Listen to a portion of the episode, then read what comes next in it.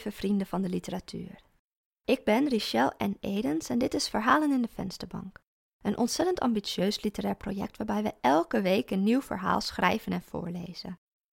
Op 7 januari gaat Verhalen in de Vensterbank in première. En vanaf dat moment zal er elke week een nieuw verhaal te beluisteren zijn op alle grote podcastplatformen en voor de liefhebbers ook op YouTube, met artistieke sfeerbeelden erbij. Dit is een extra bonusaflevering. Het verhaal wat ik vandaag voor u ga voorlezen heb ik jaren geleden geschreven in een schrijfles op de Kunstacademie. Dit is het eerste literaire korte verhaal dat ik ooit heb geschreven. En dit verhaal heeft mijn passie voor schrijven naar een nieuw niveau getild, dat uiteindelijk heeft geleid tot dit project. Als u het mooi vond, laat u dan na afloop een review achter om het ons te laten weten. Voor nu wens ik u heel veel plezier met het verhaal Een station.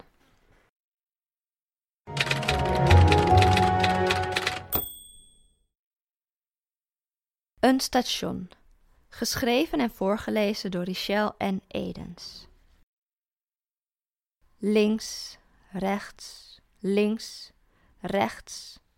Mijn linkerteen verschijnt van onder mijn knie, gevolgd door mijn voet, om daarna weer te verdwijnen. Daarna komt mijn rechtervoet tevoorschijn. Het lijkt een vertraagd kat-en-muisspelletje, maar dat is het niet. Het bankje is hard en hoog en de trein is laat. De sausijzenbroodjes in de vitrine van de stationsrestauratie grommen als wolven. Gelukkig zit er glas tussen. De trein is aangekomen. De trein vertrekt. Ik blijf zitten. Links, rechts, links, rechts. Mijn voeten spelen door, maar ik zie het niet meer. Ik kijk. Daar loopt ze. Mooi en mager aan het handje van haar moeder. Ze deinst dan niet meer terug voor de wolven in de vitrine. Ze zie voor de derde keer. Ik haat haar moeder. Ik wil haar hoofd door midden bijten. Hoeveel calorieën zouden daarin zitten? Ze verdwijnt om de hoek. Ik sta op. De wereld wordt zwart en langzaam weer geboren.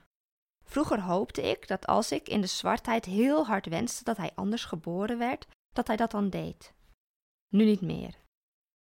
Ik begin te lopen, haar en haar moeder achterna.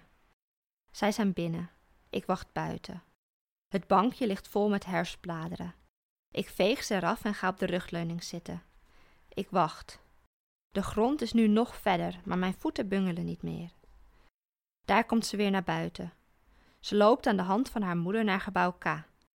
De wind speelt met de bladeren en de wind speelt met de haren van het meisje. Ik wilde dat ik kon ruiken welke shampoo ze gebruikte. Het meisje speelt met de bladeren. Haar moeder trekt haar mee. Ik wou dat ik een mes had. Ik loop door de bladeren, maar de wind wil niet met mijn bladeren spelen. Die zijn te zwaar. Ze ploffen op de grond met een knal. Niemand hoort het. Zij kijkt om en zwaait. Haar moeder trekt haar mee.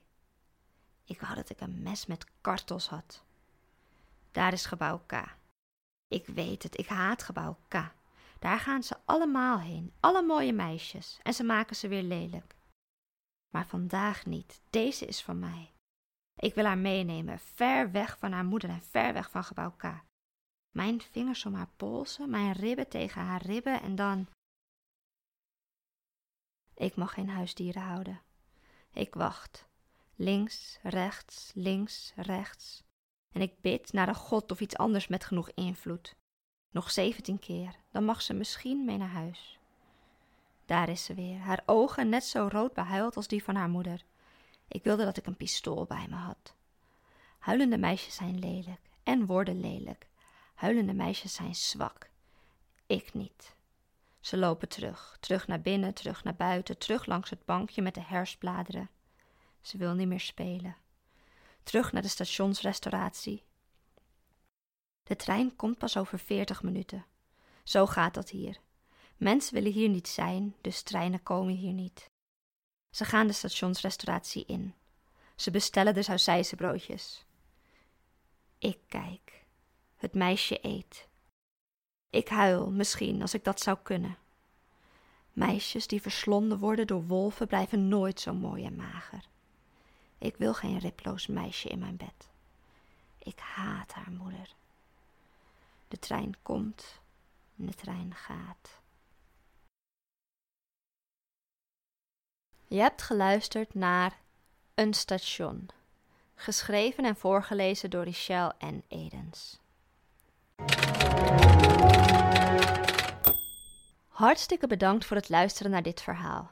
Als je het mooi vond, laat u dan een review achter, zodat andere luisteraars ons makkelijker kunnen vinden.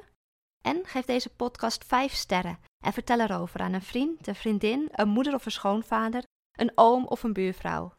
En vergeet niet deze podcast te volgen, want we hebben je er graag volgende week weer bij. Voor nu, een hele fijne avond en hele fijne feestdagen. En dan zie ik jullie weer in januari.